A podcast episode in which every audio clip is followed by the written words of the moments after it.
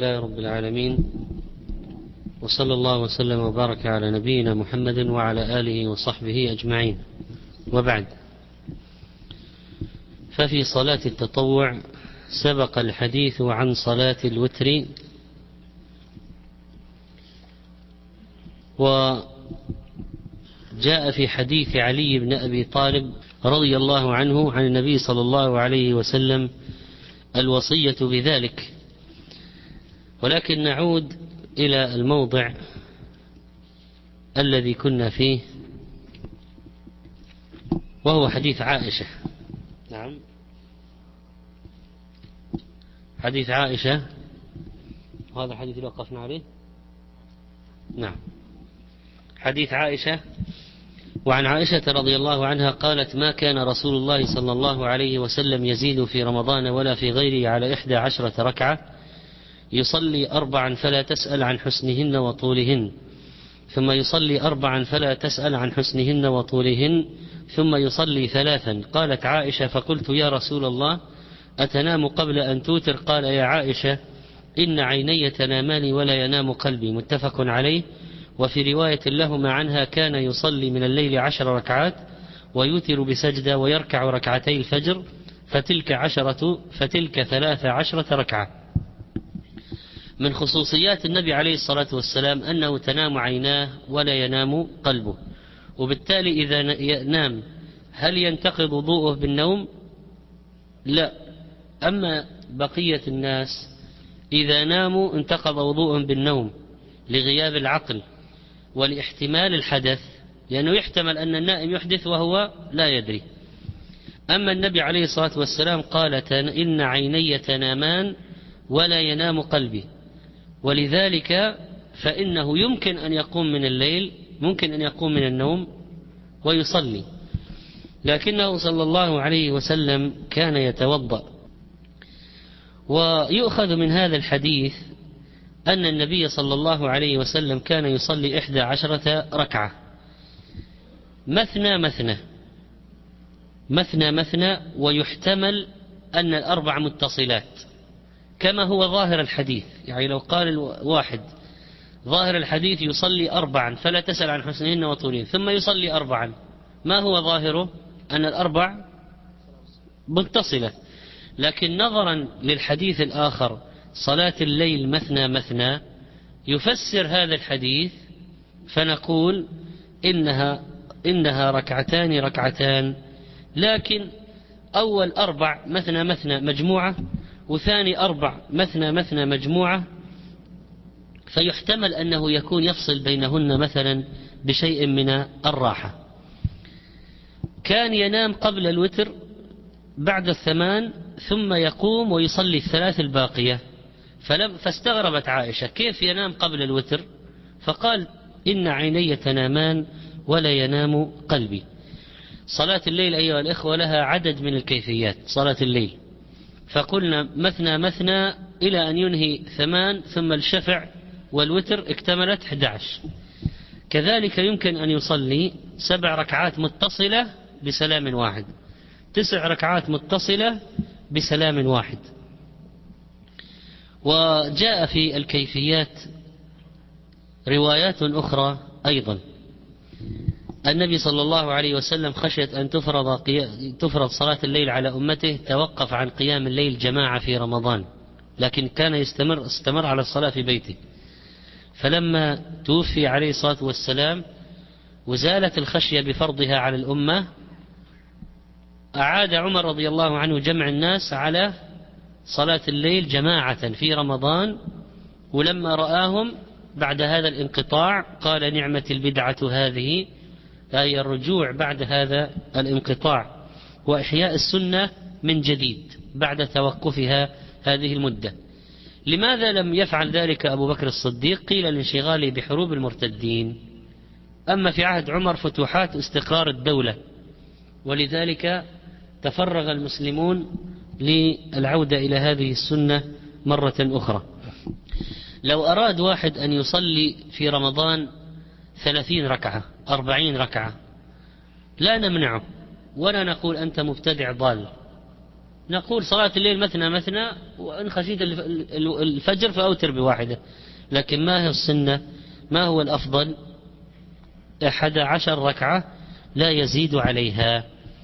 ثم بعد ذلك هل تحسب معها ركعتي سنة العشاء فتكون ثلاث عشرة؟ بهذه الطريقة. جاء في حديث عائشة رضي الله عنها قالت كان رسول الله صلى الله عليه وسلم يصلي من الليل ثلاث عشرة ركعة يوتر من ذلك بخمس لا يجلس في شيء من آخرها. إذا يصلي مثنى مثنى. الخمس الأخيرة يسردها سردا. ماذا تسمى الخمس الأخيرة؟ وتر. التي يسردها سردا هذه ما فيها إلا سلام واحد هذه وتر. فهذه المفصولة عما قبلها. فإذا ممكن الوتر يكون خمسة مستقلة. وفي قبلها ست أو ثمان مثلا. ممكن يكون ثلاثة مستق... أيضا متوالية. ما يجلس إلا في التشهد الأخير. وممكن يكون تكون ركعة واحدة منفصلة. فهذه فهذه تكون الوتر. إذا وردت عدة كيفيات عن النبي صلى الله عليه وسلم ما هو يأتي الإنسان بهذا وبهذا. لكن أحيانا ينظر ربما تكون هناك سنة أكثر ما يفعل. فأكثر ما يفعله النبي صلى الله عليه وسلم أنه كان يصلي مثنى مثنى مثنى والشفع في آخر شيء مثنى والوتر واحدة مستقلة. لو صلى الثلاث في الآخر متصلة هل في ذلك من بأس؟ الجواب لا. لأجل, حدي... لأجل لما ورد في ذلك وقال الإمام أحمد إن أوتر بثلاث لم يسلم فيهن لم يضيق عليه عندي. وقال الشيخ تقي الدين يخير بين فصله ووصله. يخير بين فصله ووصله. وصحح أن كلاهما جائز. وعن عائشة رضي الله عنها قالت من كل من كل الليل قد أوتر رسول الله صلى الله عليه وسلم فانتهى وتره إلى السحر. متفق عليه. ما هو السحر؟ الجزء الأخير من الليل قبل الفجر مباشرة. فهذا هو السحر. فكان عليه الصلاة والسلام يوتر أول الليل ويوتر وسط الليل ويوتر آخر الليل. يبين للأمة أن ذلك كله جائز. في هذا ساعة على المسلمين. خذ الآن مثلا أصحاب الأعمال النوبات الذين يعملون في النوبات اللي يسموها الشفتات هذه. أصحاب النوبات. هؤلاء أصحاب النوبات ممكن بعضهم ما يستطيع يوتر إلا أول الليل بعد العشاء مباشرة لأنه سيذهب ويستلم الدوام الساعة مثلا ثمانية أو عشرة. بعضهم ممكن يستلم الدوام يضطر أن يوتر في نصف الليل لأنه يكون انتهى لتوه الساعة العاشرة انتهى الدوام إلى أن يصل البيت يريد أن ينام يصلي في نصف الليل ثم ينام. بعضهم ينتهي من العمل الساعة اثنين في الليل يصل إلى البيت يقع وتره في آخر الليل. إذا أوتر عليه الصلاة والسلام من كل الليل لكن ما هو أكثر ما انتهى إليه وتره؟ السحر. هل تشرع الجماعة في قيام الليل في غير رمضان؟ كلا لكن إن انضم إلى الشخص شخص آخر فلا بأس. وعن عبد الله بن عمرو بن عاص رضي الله عنهما قال قال لي رسول الله صلى الله عليه وسلم يا عبد الله لا تكن مثل فلان. كان يقوم من الليل فترك قيام الليل. فلان هذا يسمى إبهام مبهم. فلان هذا من هو؟ لا ندري. لماذا قال فلان؟ سترا عليه. لأنه شخص حصل عنده شيء من التراجع. كان يصلي الليل ترك قيام الليل. فسترا عليه أبهم في الرواية ولم يذكر اسمه فأراد أن ينفره من مثل هذا الفعل وأن يرغبه بقيام الليل. نفره من الغفلة وترك القيام ورغبه في القيام. فإذا لا ينبغي لمن صلى قيام الليل أن يتركه.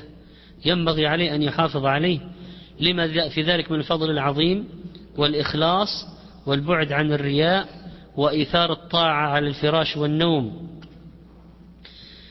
ما هو الفرق بين التهجد وقيام الليل؟ قيام الليل تطلق على أي صلاة في الليل سواء قبلها نوم أو بعدها نوم. لكن التهجد لا يطلق إلا على الصلاة التي إيش؟ قبلها نوم ولا بعدها نوم؟ التهجد اللي قبلها نوم. فإذا استيقظ في نصف الليل ولا ثلث الليل الأخير يقول أتهجد. يصلي التهجد. ولا هو كله قيام ليل. ومن الليل فتهجد به نافلة لك. والله أثنى على هؤلاء فقال كانوا قليلا من الليل ما يهجعون. يا أيها الناس أفشوا السلام وأطعموا الطعام وصلوا الأرحام وصلوا بالليل والناس نيام تدخلوا الجنة بسلام. فهذا من أسباب السلامة من العذاب. تدخل الجنة بسلام بدون عذاب. تدخل الجنة بسلام. امتدح الله الذين يقومون بقوله تتجافى جنوبهم عن المضاجع يدعون ربهم خوفا وطمعا ومما رزقناهم ينفقون. لما أخفوا العمل في الليل أخفى لهم الجزاء. قال فلا تعلم نفس ما أخفي لهم من قرة أعين جزاء بما كانوا يعملون. طيب هل يسمى صلاة؟ واحد بين المغرب والعشاء أراد أن يصلي بعد المغرب وقبل العشاء عنده وقت. مثلا الآن انتهينا من سلسلة الدروس هذا آخر درس في هذه الدورة. غدا من العشر فقال واحد هذه أيام العشر الفاضلة فأنا بين المغرب والعشاء أريد أن أصلي. أروح المسجد بعد المغرب وأصلي إلى العشاء أو أصلي في بيتي. بين المغرب والعشاء كيف يصلي؟ مثنى مثنى. في عدد معين؟ لا. بين المغرب والعشاء ما في عدد معين. بعد السنة بعد سنة المغرب الراتبة صلي ما شئت. طيب هل تسمى هذه قيام ليل؟ نعم. من ناحية العموم نعم. أي صلاة في الليل تسمى قيام ليل. أليس بعد المغرب يبدأ الليل من المغرب. إذا أي صلاة في الليل تسمى قيام الليل. قال الإمام أحمد قيام الليل من المغرب إلى طلوع الفجر فالنافلة بين العشاءين من قيام الليل. أما الناشئة فلا تكون إلا بعد النوم. قال تعالى إن ناشئة الليل هي أشد وطئا وأقوم قيلا. والصلاة في النصف الثاني من الليل أفضل من الصلاة في النصف الأول من الليل. وهناك صلوات مبتدعة ما أنزل الله بها من سلطان. بعض الناس يبتدعون صلوات. مثلا تخصيص ليلة النصف من شعبان بقيام. تخصيص. ما يقوم الليل إلا في تلك الليلة. هذا بدعة. إنشاء صلاة بعدد معين لم يرد والمواظبة على العدد هذا. لو واحد قال أنا كل ليلة سأصلي مثلا واحد وثلاثين ركعة. مثلا. كل ليلة سأصلي ستة وخمسين ركعة. ما في دليل عليها. ويواظب على ذلك. فنقول مواظبتك تدل على أنك تعتقد في هذا العدد فضلا معينا. وإلا لماذا واظبت عليه؟ أكيد أنك تعتقد فضلا معينا. إذا هذه بدعة. صلاة الألفية بدعة ضلالة كما قال النووي رحمه الله. صلاة الرغائب وصلاة الألفية بدعتان مذمومتان ومنكرتان فلا تغتروا بذكرهما في الحديث المذكور فيهما فإن ذلك باطل. صلاة الرغائب 12 ركعة في أول ليلة جمعة من رجب. بدعة محدثة.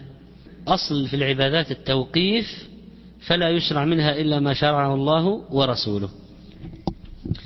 وعن علي بن أبي طالب رضي الله عنه قال قال رسول الله صلى الله عليه وسلم أوتروا يا أهل القرآن فإن الله وتر يحب الوتر رواه الخمسة وصححه ابن خزيمة. وهو حديث حسن حسنه الترمذي. فالله وتر واحد سبحانه وتعالى فرد لا شبه له ولا مثله. يحب الوتر فإذا يستحب الوتر والإتيان به لأن الله يحبه وصلاة الوتر محبوبة عند الله والله عز وجل يحب ومن صفاته سبحانه وتعالى صفة المحبة تليق بجلاله وعظمته. والوتر سنة مؤكدة باتفاق المسلمين. هل معنى أن الله وتر يحب الوتر؟ أن الإنسان يقصد الإيتار بكل شيء؟ إذا كان مثلا يريد أن يشرب مثلا خمس كاسات أو ست يقول لا خمس. إذا كان يريد أن يأكل ثلاثة وعشرين لقمة أو أربعة وعشرين يقول ثلاثة وعشرين. إذا كان يريد أن يشتري ثلاث علب أو أربع يقول أبشتري ثلاث علب. هل قوله يحب الوتر يعني في كل شيء؟ قال الشارح في توضيح الأحكام ليس المراد بقول إن الله وتر يحب الوتر أن يقصد الإيتار في كل شيء فلا يأكل إلا وترا ولا يشرب إلا وترا ولا يلبس إلا وترا لأن الإيتار من أمور العبادة والعبادة تتوقف على ورود شرع بها فما ورد من العادات وقصد الشارع أن يقطعه على وتر فهو داخل في مسمى العبادة. كأكله تمرات قبل الصلاة قبل الذهاب لصلاة عيد الفطر. يقطعها على وتر. لكن أما أن يتخذ الوتر في جميع العادات عبادة فهذا يتوقف على ورود الشرع به والشرع مبني على التوقيف فلا يشرع منه إلا ما شرعه الله ورسوله. وعن ابن عمر رضي الله عنهما أن النبي صلى الله عليه وسلم قال اجعلوا آخر صلاتكم بالليل وترا متفق عليه. إذا تختم به صلاة الليل هل يجوز أن تقع بعده صلاة؟ الجواب نعم ممكن. هل لو واحد صلى بعد الوتر ينتقض الوتر ويحتاج أن يعيده؟ الجواب لا. لا سيما صلوات ذوات الأسباب.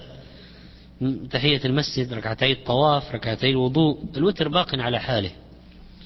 وقد جاء في صحيح مسلم أن النبي صلى الله عليه وسلم كان يصلي من الليل ركعتين بعد الوتر وهو جالس.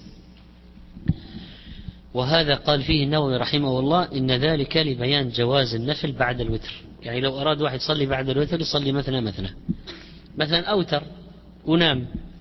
رحمك الله. قام من الليل. رأى أنه في وقت إلى الفجر. يريد أن يصلي. نقول صلي. مثنى مثنى. ولا تعيد الوتر. رحمك الله. وعن طلق بن علي رضي الله عنه قال سمعت رسول الله صلى الله عليه وسلم يقول لا وتران في ليلة رواه أحمد والثلاثة وصححه ابن حبان. وهذا يدل على كراهة الإيتار في الليلة الواحدة مرتين فأكثر لأن تكرير الوتر في ليلة واحدة عبادة غير مشروعة. ولذلك إذا أوترت مع الإمام في رمضان ورحت ذهبت إلى البيت لا تعد صلاة الوتر. صلي مثنى مثنى إذا أردت. عندك احتمال آخر أن تشفع صلاتك. بعد ما الإمام يسلم تأتي بركعة ثم تصلي ما شئت في الليل وتوتر آخر الصلاة. هذا احتمال آخر. فإذا تبع إمامه فأوتر معه أو أوتر منفردا فلا ينقض الوتر بعد ذلك. ويصلي ما شاء مثنى مثنى في بقية الليل. وعن أبي بن كعب رضي الله عنه قال كان رسول الله صلى الله عليه وسلم يوتر بسبح اسم ربك الأعلى وقل يا أيها الكافرون وقل هو الله أحد.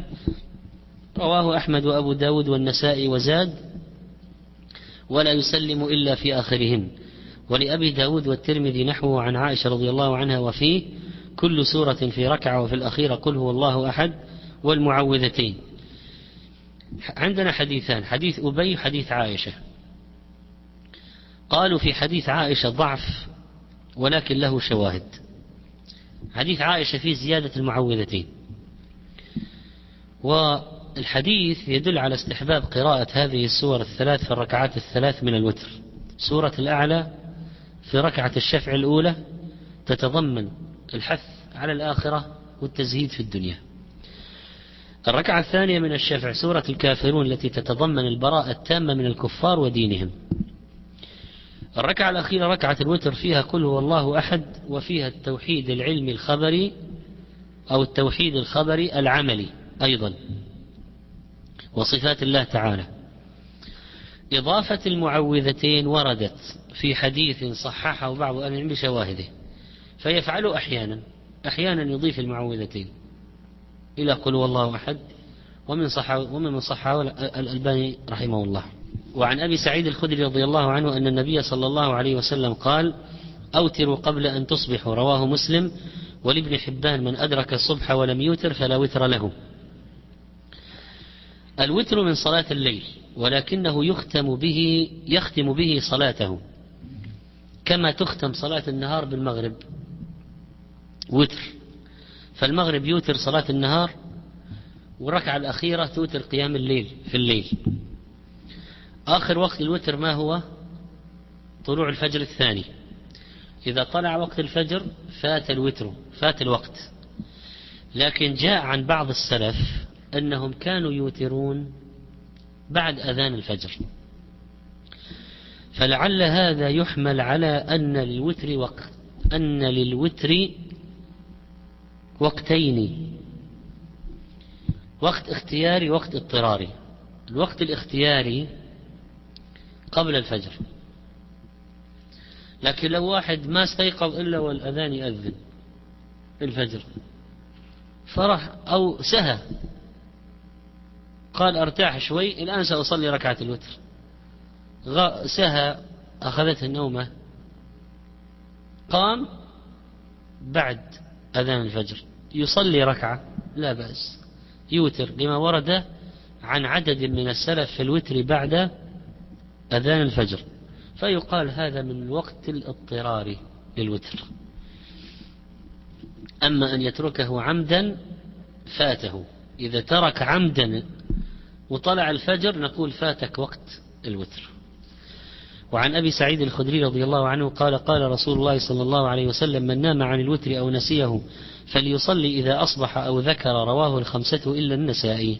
وهذا حديث صحيح يدل على أن من نام عن الوتر فلم يستيقظ حتى طلع الصبح الثاني أو نسيه فلم يذكره حتى طلع الفجر أنه يصليه لأنه قال فليصلي إذا أصبح. يصليه وترا إذا أصبح.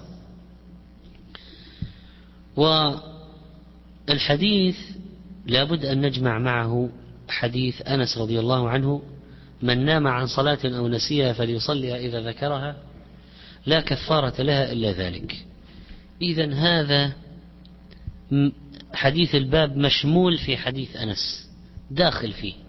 من نام عن صلاة أو نسيها فليصليها إذا ذكرها. طب الذي قبل يقول إنه إذا أصبح لا, لا وتر له. نقول الحديث الذي قبل نحمله على من؟ المتعمد والمفرط. وحديث أبي سعيد هذا نحمله على من؟ المعذور. نقول فليوتر ولو أصبح. فليوتر ولو أصبح. طيب عندنا الآن حديث عندنا حديث من نام عن صلاة أو نسيها فليصليها إذا ذكرها فإن ذلك وقتها. هذا عام يشمل حتى قيام الليل. ولذلك قال ابن تيمية رحمه الله وهذا يعم الفرض وقيام الليل والسنن الرواتب. فليصليها إذا ذكرها يقول هذا يعم الفرض وقيام الليل والسنن الرواتب. طيب الآن عندنا حديث آخر وهو حديث عائشة. كان رسول الله صلى الله عليه وسلم إذا غلبه نوم أو وجع عن قيام الليل صلى من النهار اثنتي عشرة ركعة. يعني لا يصلي وترا. فماذا نقول؟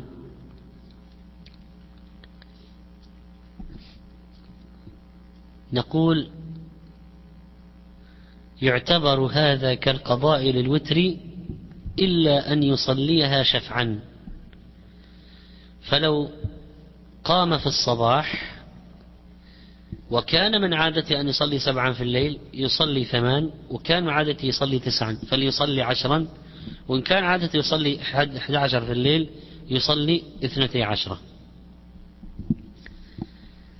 طيب. إذا صار عندنا كيفيتان. واحدة إذا قام يصلي الوتر. ولو في الصباح. والثانية أنه إذا كان مرض غلبه النوم أو الوجع أو قام غلبه على قيام الليل صلى من النهار شفعا يشفع ما كان يريد أن يصلي في الليل. قال وعن جابر رضي الله عنه قال قال رسول الله صلى الله عليه وسلم من خاف أن لا يقوم من آخر الليل فليوتر أوله ومن طمع أن يقوم آخره فليوتر آخر الليل فإن صلاة آخر الليل مشهودة وذلك أفضل.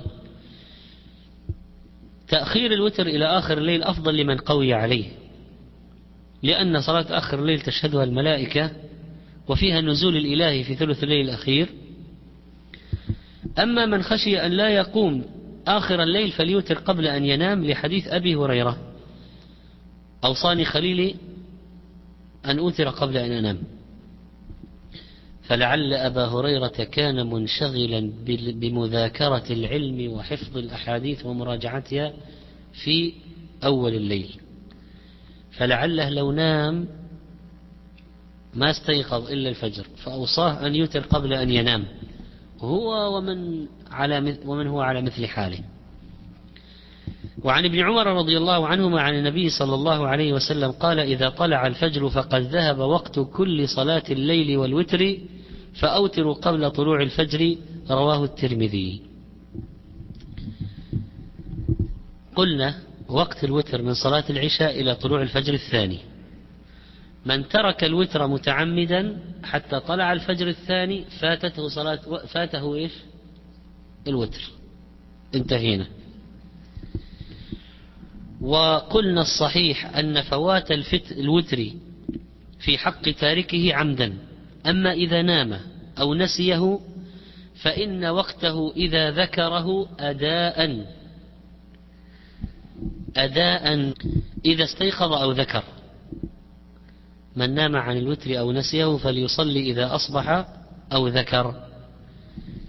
وروى مسلم والترمذي في جامعه عن عائشة رضي الله عنها قالت كان رسول الله صلى الله عليه وسلم إذا لم يصل من الليل منعه من ذلك النوم أو غلبته عيناه صلى من النهار اثنتي عشرة ركعة.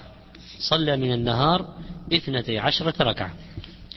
وعن عائشة رضي الله عنها قالت كان رسول الله صلى الله عليه وسلم يصلي الضحى أربعا ويزيد ما شاء الله. رواه مسلم. وله عنها أنها سئلت هل كان رسول الله صلى الله عليه وسلم يصلي الضحى؟ قال لا إلا أن يجيء من مغيبه.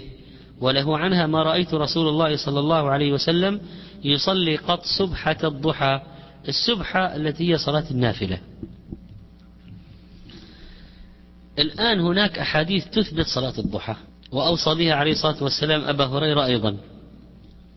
وأنه كان يصلي أربع ركعات ويزيد ما شاء الله. هناك أحاديث تدل على أنه ما كان يصليها إلا إذا جاء من سفر. ما إلا إذا جاء من سفر. هناك أحاديث أنه ما كان يصليها أبدا. ما رأيت رسول الله صلى الله عليه وسلم يصلي قط سبحة الضحى. فكيف نوفق بين هذه الأحاديث؟ فالجواب أن نقول إما أن نقول إنه كان يصليها دائما وإما أن نقول أنه كان يصليها أحيانا ويترك أحيانا وإما أن نقول إنه كان إنها تفعل بسبب مثل ما فعل يوم الفتح مثل ما صلى في بيت عتبان بن مالك مثلا. وقال بعضهم إن الذي يواظب عليها هو الذي لا يقوم الليل. لا يقوم الليل. واختار هذا شيخ الإسلام أن المداومة على ركعتي الضحى لمن لا لمن لم يقم الليل. لمن لم يقم الليل. قال النووي كون سنة الضحى سنة هو مذهب جمهور السلف وهو قول الفقهاء والمتأخرين. وهي بلغت حد التواتر والمداومة عليها مستحبة لمن لم يقم في ليله. وهناك قاعدة ذكرها شيخ الإسلام ابن تيمية يقول إن ما ليس من الرواتب لا يداوم عليه حتى لا يلحق بالرواتب. حتى لا يلحق بالرواتب.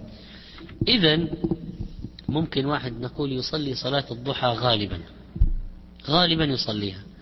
لكن لا يواظب عليها مثل السنة الراتبة. يترك أحيانا. يترك أحيانا. وما هو أفضل وقت لصلاة الوتر آه، لصلاة الضحى؟ عن زيد بن أرقم رضي الله عنه أن رسول الله صلى الله عليه وسلم قال صلاة الأوابين حين ترمض الفصال رواه الترمذي وهو حديث صحيح. والأوابين من أواب رجع إلى الله بترك الذنوب وفعل الطاعات. وترمض أي تحترق أخفاف الإبل ومعنى ذلك أنه يؤخر إلى أن الشمس أن, أن يكون في الشمس شدة حرارة أن يكون في الأرض شدة حرارة من الشمس. والفصال جمع فصيل وهو ولد الناقة المفصول عن أمه. حينما ترفع هذه أخفافها من شدة حر الأرض. هذا أفضل وقت. لكن يبدأ من بعد ارتفاع الشمس قيد رمح إلى قبيل الزوال. يعني قبل الظهر بربع ساعة خلاص انتهى لا يصلي. سميت بصلاة الأوابين حثا على فعلها. كم ركعة؟ قال وعن أنس رضي الله عنه قال قال رسول الله صلى الله عليه وسلم من صلى الضحى ثنتي عشرة ركعة بنى الله له قصرا في الجنة. رواه الترمذي واستغربه يعني أنه غريب لكن له شواهد. قال ابن حجر له شواهد إذا ضمت إلى حديث أنس تقوى, تقوى بها وصلح للاحتجاج بها. وعن عائشة رضي الله عنها قالت دخل رسول الله صلى الله عليه وسلم بيتي فصلى الضحى ثمانية ركعات رواه ابن حبان في صحيحه. إذا وردت أحاديث أن صلاة الضحى ركعتان ورد أنها أربع ورد أنها ست ورد أنها ثمان ورد أنها اثنتي عشرة. ولذلك فالذي يصليها يصلي تارة ثنتين وتارة يصلي أربع وتارة يصلي ست وتارة يصلي ثمان وتارة يصلي ثنتي عشرة. هذه الصلاة استفاضت أخبارها ويستحب المداومة عليها لمن لم يصلي بالليل حتى لا تفوت عبادة النهار وعبادة الليل. وأما من له صلاة مداوم عليها في الليل الأفضل أنه لا يواظب على الضحى ويغب منها يعني أحيانا يترك. وأن أقلها ركعتان وأكثرها 12 ركعة وأن الوقت يبدأ من ارتفاع الشمس قيد رمح إلى ما قبل الزوال هذه هي الخلاصة في صلاة الضحى. وبذلك نكون قد أنهينا تقريبا ثلث هذا الكتاب المبارك في هذا الدرس الأخير الذي سنتوقف بعده إن شاء الله. ولعله يتاح فرصة أخرى في دورة قادمة أن نأخذ الثلث الثاني ثم في فرصة أخرى الثلث الثالث من الكتاب بمشيئة الله تعالى.